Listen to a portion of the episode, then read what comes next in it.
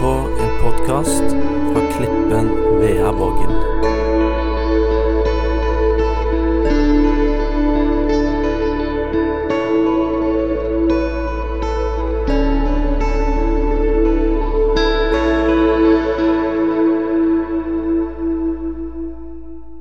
Hvis du har en bibel, så skal vi slå opp i andre Samuels bok.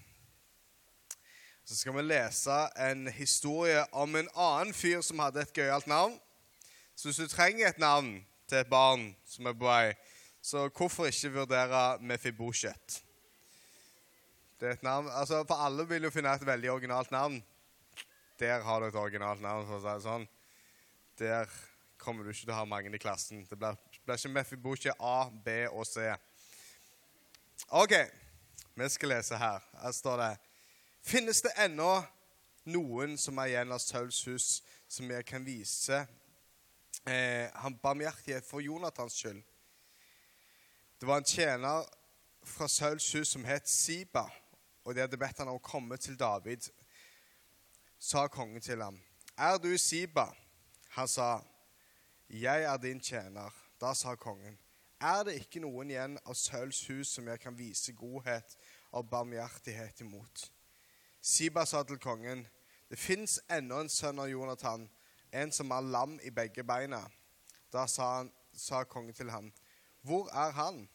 Siba sa til ham, Se, han er i huset til Makir, Amiels sønn, i Lodebar.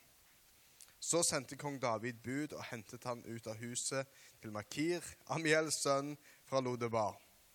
Da Mefibosjes sønn av Jonathan, sønn av Saul, hadde kommet til David, falt han ned på sitt ansikt og hyllet han. Så sa David, Mefibosje, han svarte, her er din tjener.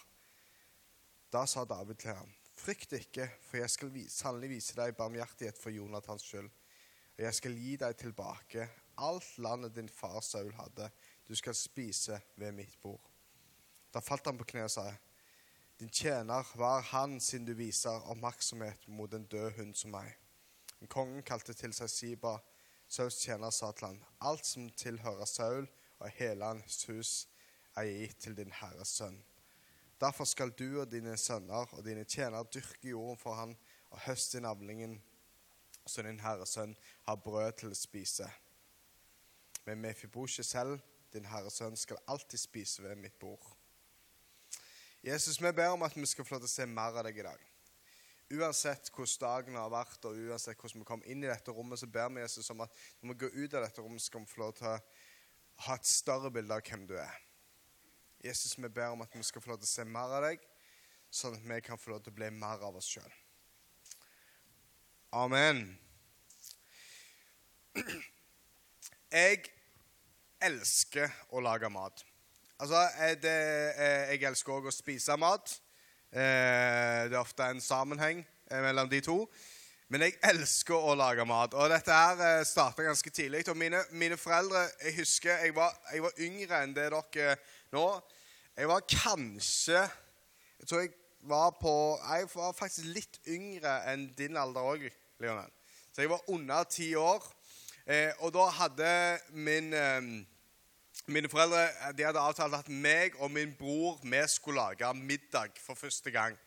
Første gang skulle vi få lov til å prøve å lage middag hjemme eh, hos mine foreldre. Eh, og vi skulle lage den kulinariske mesterverket av en rett som heter tomatsuppe på pose med makaroni. Eh, og, og vi, vi, satte i gang, og eh, jeg satte i gang broren min til å lese. Lese har aldri vært min sterke side, så det satte jeg han i gang på. Eh, og så satte vi i gang med å lage den hamaden. Men det vi fant fort ut når vi, vi kokte tomatsuppe at det, altså, Jeg vet ikke om du har fått med deg det i livet, men det går an å koke på veldig mange forskjellige måter. Tønes han har en sang om, om det å koke ting. Eh, og jeg vet ikke, er, du, er, det noen her som er sånn type som, som koker alt på sånn to-tre på komfyren med låg? Er det noen her? Er det noen som er liksom to-tre på komfyren med låg? Ja, det er én. Det er én med to-tre. Er det noen her som koker alt på ni? Ja. Ja, ja, ja. Jeg er gift med ei som, som koker grøt på ni. Um, Så, så i vår familie så er det jeg som lager mat, for å si det sånn.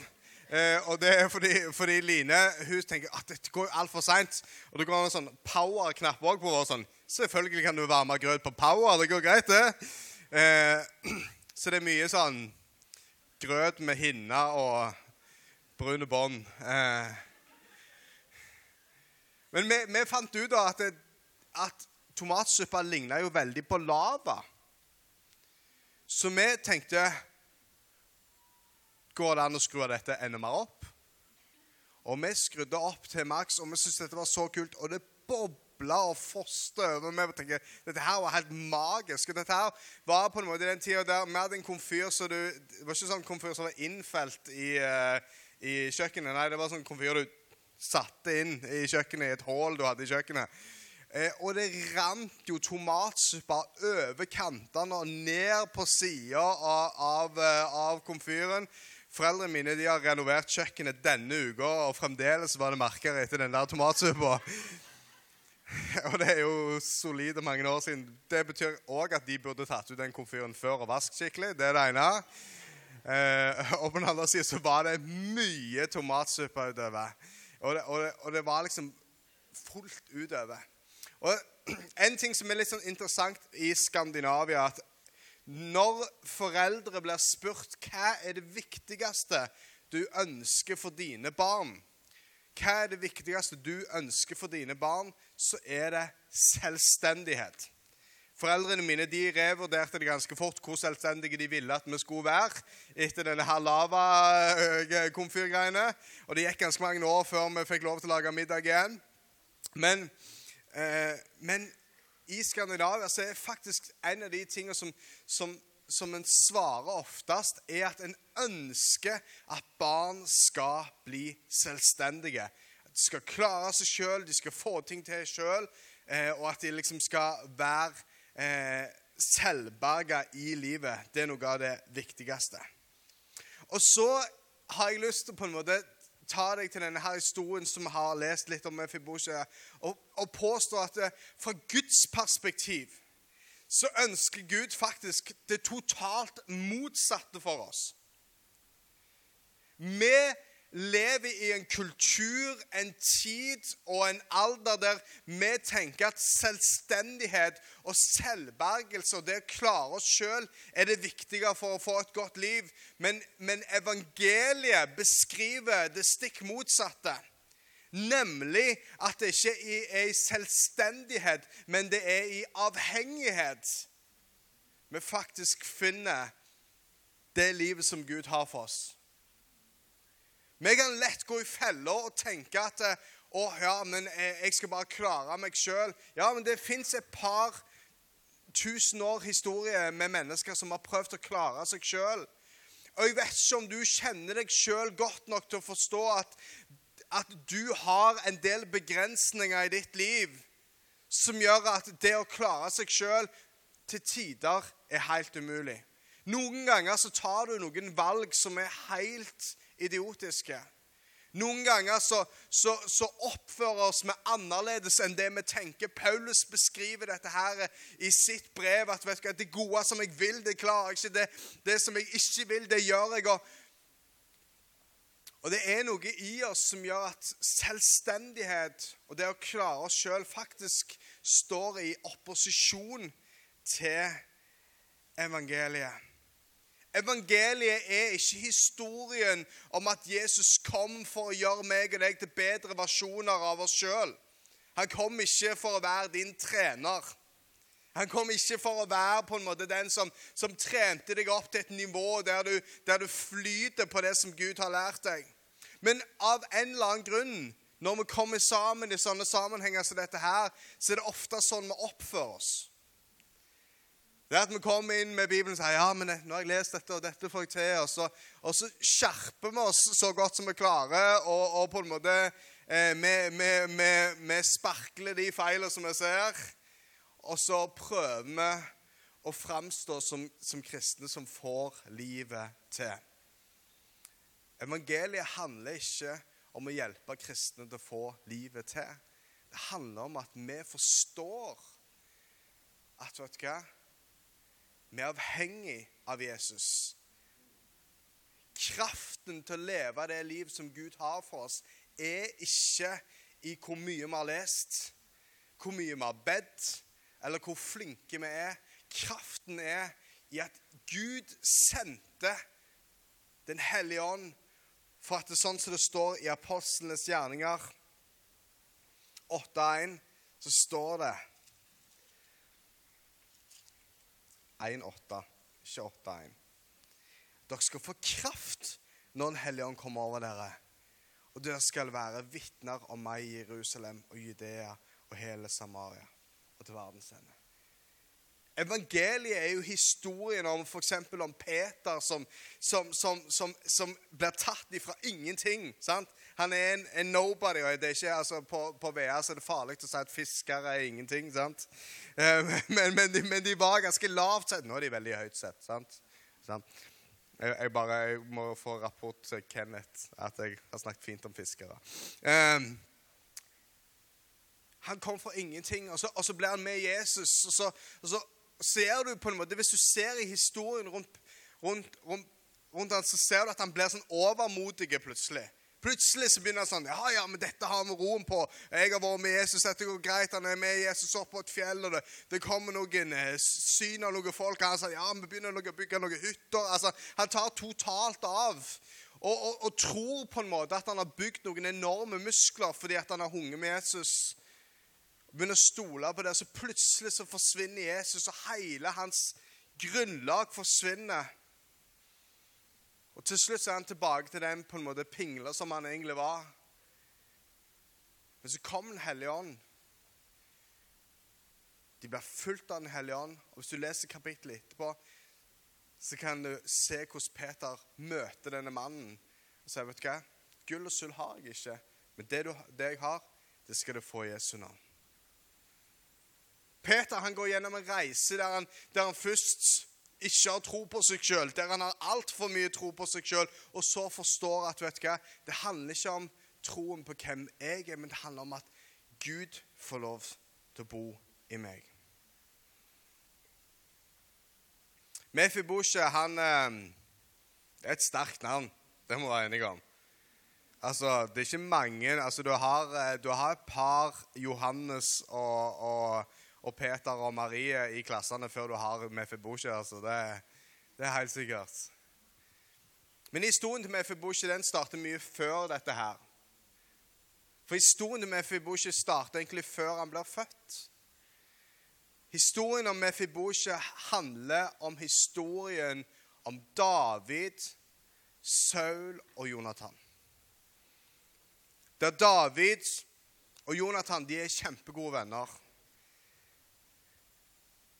Men faren til Jonathan har tenkt å drepe David. Det er ikke mange av dere som har sånne vennskap, for å si det sånn. Og heldigvis. Det som skjer, det er at David han overvinner. Han blir konge i Israel. Men når David blir konge i Israel, så blir hele Sauls hus skrevet av en enorm frykt. Og de, og de, velger å rømme fra tempelet. De velger å rømme fra tempelet for de har hørt rykter om hva som kommer til å skje når David kommer. Når David kommer, da kommer Og så, så har de hørt enorme rykter. Så, så, det står faktisk tidligere i denne historien om at barnepiken tar Mefibosje med seg for å rømme når David kommer, men mister han i bakken. Og Mefibosje blir lam fra den dagen av. Og fra å være en person som skulle leve i rikdom, så blir han en person som lever i fattigdom. Med en bitter historie om at det er Davids skyld at jeg er lam. Og jeg tror ikke det er en fest å være lam i dag. Men jeg tror det var hakket mer krevende på den tida. Og Mefibosjan lever opp med historien om at David er grunnen til at jeg er funksjonshemma. David er grunnen til at jeg lever i fattigdom. Han hadde stolt på andres historie om hvem David var. Han hadde lytta til andres historier om hvem David var. Og han kjente kun David på navnet og på avstand. Så hopper vi inn i denne historien som vi har lest nå. Når, når David pga. Jonathan så sier han Fins det ingen igjen av Sauls hus, Jonathans etterkommere, som jeg kan vise godhet for Jonathans skyld? Han hadde, en, han hadde et så nært forhold til Jonathan at han sa vet du hva? Fins det ingen igjen av denne slekta som jeg kan få lov til å vise godhet som et bevis på, på det som Jonathan var for meg? Og så kommer han her fyren som heter Siba. Jeg vet ikke om dere husker det var en sånn elektronikkjede som heter Siba før i tida. Det var han som starta den. Det ble veldig suksessfull.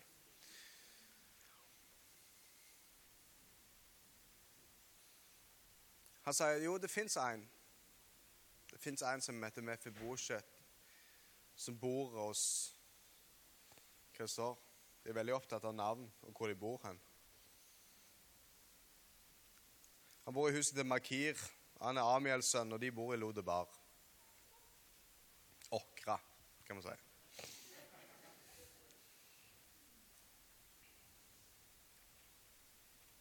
Han forteller at det fins en som du kan vise godhet for.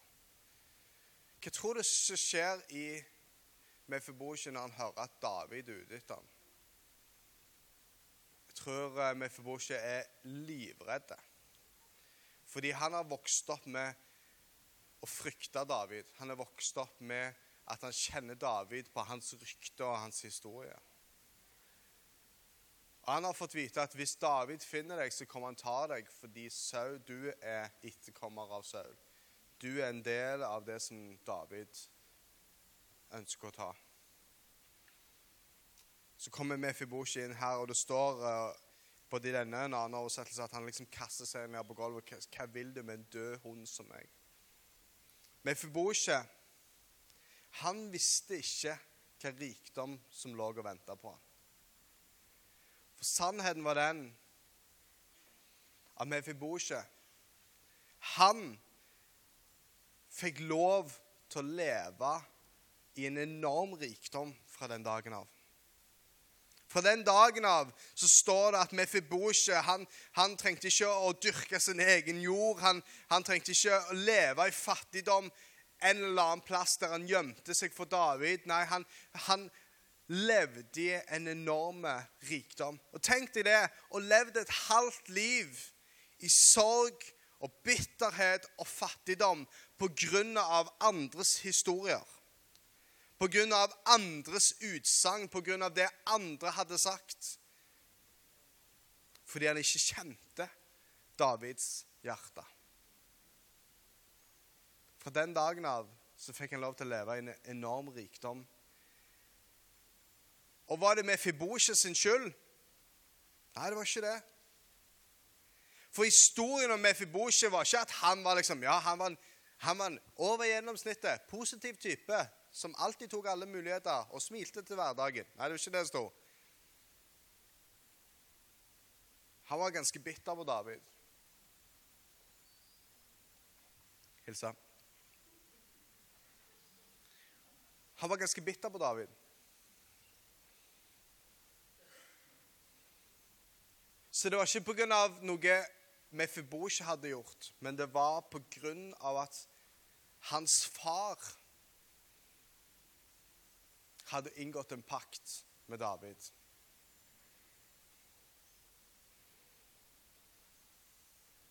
Gud, han I motsetning til den kulturen vi lever i, så er det ikke sånn at Gud tenker at din lykke, din fremgang og på en måte din velsignelse ligger i å bli mer selvstendig. Gud sier ikke at vet du hva, det, det, det er i din, på en måte, i din autonomi og din selvstendighet din lykkelige. Nei, han forteller en historie om at Gud kom til oss fordi at gjennom syndefallet så fikk vi prøve å få til livet sjøl gjennom loven. Eh, og, og, Hvis du har lest litt i Bibelen, så ser du at Det funker medium dårlig, på en måte. Men Jesus sendte sin sønn for at vi ikke være, skulle på en måte stole på oss sjøl og vår egen fortreffelighet, men forstå at vi er avhengig av Gud. Og ikke bare er vi avhengig av Gud i, på en måte i frelsesspørsmålet, ikke bare i billetten til himmelen, men, men Gud sendte sin Hellige Ånd. Ikke for å bare være en billett, ikke bare for å være et seil på at vi er Guds barn, men for å være vår hjelper. For å være på en måte muskelmasse i de vanskelige situasjoner. For å være hjerne. For å være visdom inn i de tingene som er vanskelig. Gud hadde en bedre løsning enn at du skulle bli trent og flink nok. Han hadde en bedre løsning enn at meg og deg skulle på en måte bli visdomsfulle nok. Hans løsning var at han sendte sin Hellige Ånd, sånn at vi kan få lov til å koble på det som han har for oss. Koble på hans visdom, koble på hans tanke, koble på hans muskelmasse. Og det kan jeg si som trebarnsfar.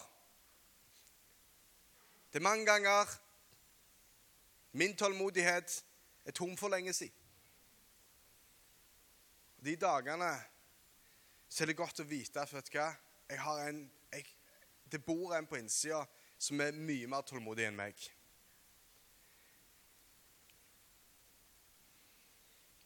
Jeg er sånn pluss-minus litt under gjennomsnittet smart. Og noen ganger så er det faktisk ganske godt å vite at vet du hva, i tøffe avgjørelser så kan jeg få lov til å tenke vet du hva? Ja, men Det skal jo faktisk komme kraft over meg. I Den hellige ånd komme over meg, så skal jeg faktisk få lov til å koble på en visdom som er større enn min egen. Akkurat som historien om Mefibosje. Akkurat som historien om Mefibosjet, så er det sånn at det fins en rikdom for oss som ligger der allerede. Vet du hva? Det fins penger på konto som du ikke har fortjent. Det fins penger på konto som, som, du ikke har spart til. Det fins penger på konto som, som, du ikke har gjort en ærlig dags arbeid for å få, få tak i. Men, men, Gud har allerede ting på konto som står klart for meg og deg. Men da kan vi ikke leve på andres åpenbaring. Da kan vi ikke leve på andres historie om hvem Jesus er. Da kan vi ikke leve på andres historie om hvem Den hellige ånd er. Og for dere som, som er tentroelever dette året, da kan ikke dere bare på en måte stole på at alle andre har forstått det. Nei, vet du hva? Bruk dette året på å erfare at Den hellige ånd er din. Istedenfor å bruke året på å tenke vet du hva, dette året skal jeg bygge bibelske, åndelige muskler der jeg, liksom, der jeg kan, eh, der jeg kan eh, bøkene på rams framlengs og baklengs og alt mulig.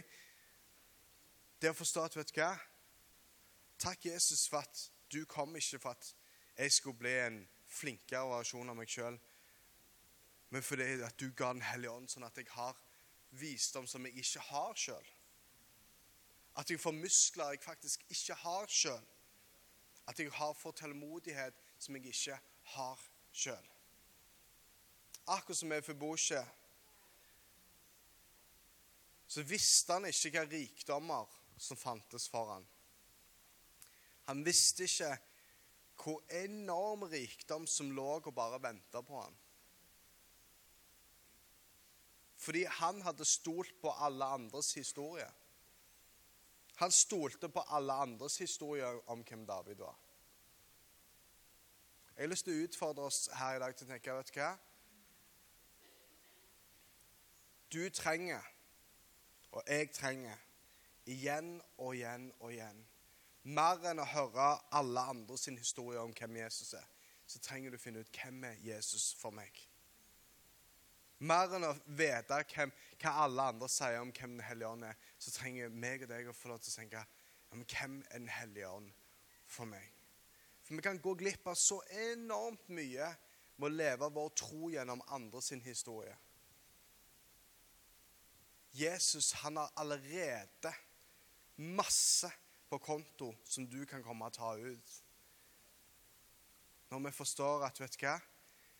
Dette handler ikke om hva jeg har fortjent. Det handler ikke om hva jeg har gjort rett. Og det handler ikke om at jeg har blitt en litt og litt og litt bedre versjon av meg sjøl. Men akkurat som historien til Mefiboshe, så var det ikke på grunn av sin prestasjon.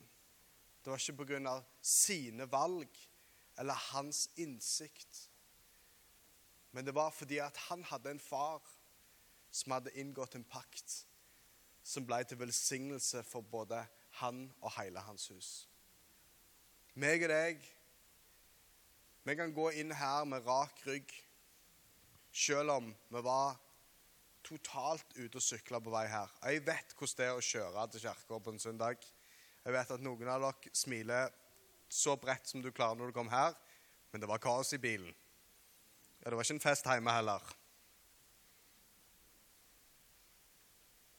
Men vi kan gå inn her uansett hvordan dagen har vært. Uansett hvordan uka har vært, uansett hvordan årene har vært. Fordi at vi kommer ikke her med vår merittliste, med vår muskelmasse eller med vår ekstreme hjerne. Nei, vi kommer her og forstår at det ikke er mine meritter som gjør at jeg kan få lov til å ta ut av Guds velsignelser. Det er fordi at jeg har en far. Jeg har en far i himmelen som gjorde en avtale som regner ned på meg. Der, der hans velsignelser er knytta til noen helt andre sine løfter enn mine løfter. Mine løfter er ikke verdt mye i forhold til hva Guds løfter er. Men vi kan få lov til å, å komme frimodige inn når vi ber til Gud. Fordi vi ber ikke i vårt navn. Vi ber i Jesu navn. Vi kan komme frimodig inn når vi ber om visdom fordi det er ikke i vår kraft, men det er i Den hellige ånds kraft vi søker Guds visdom.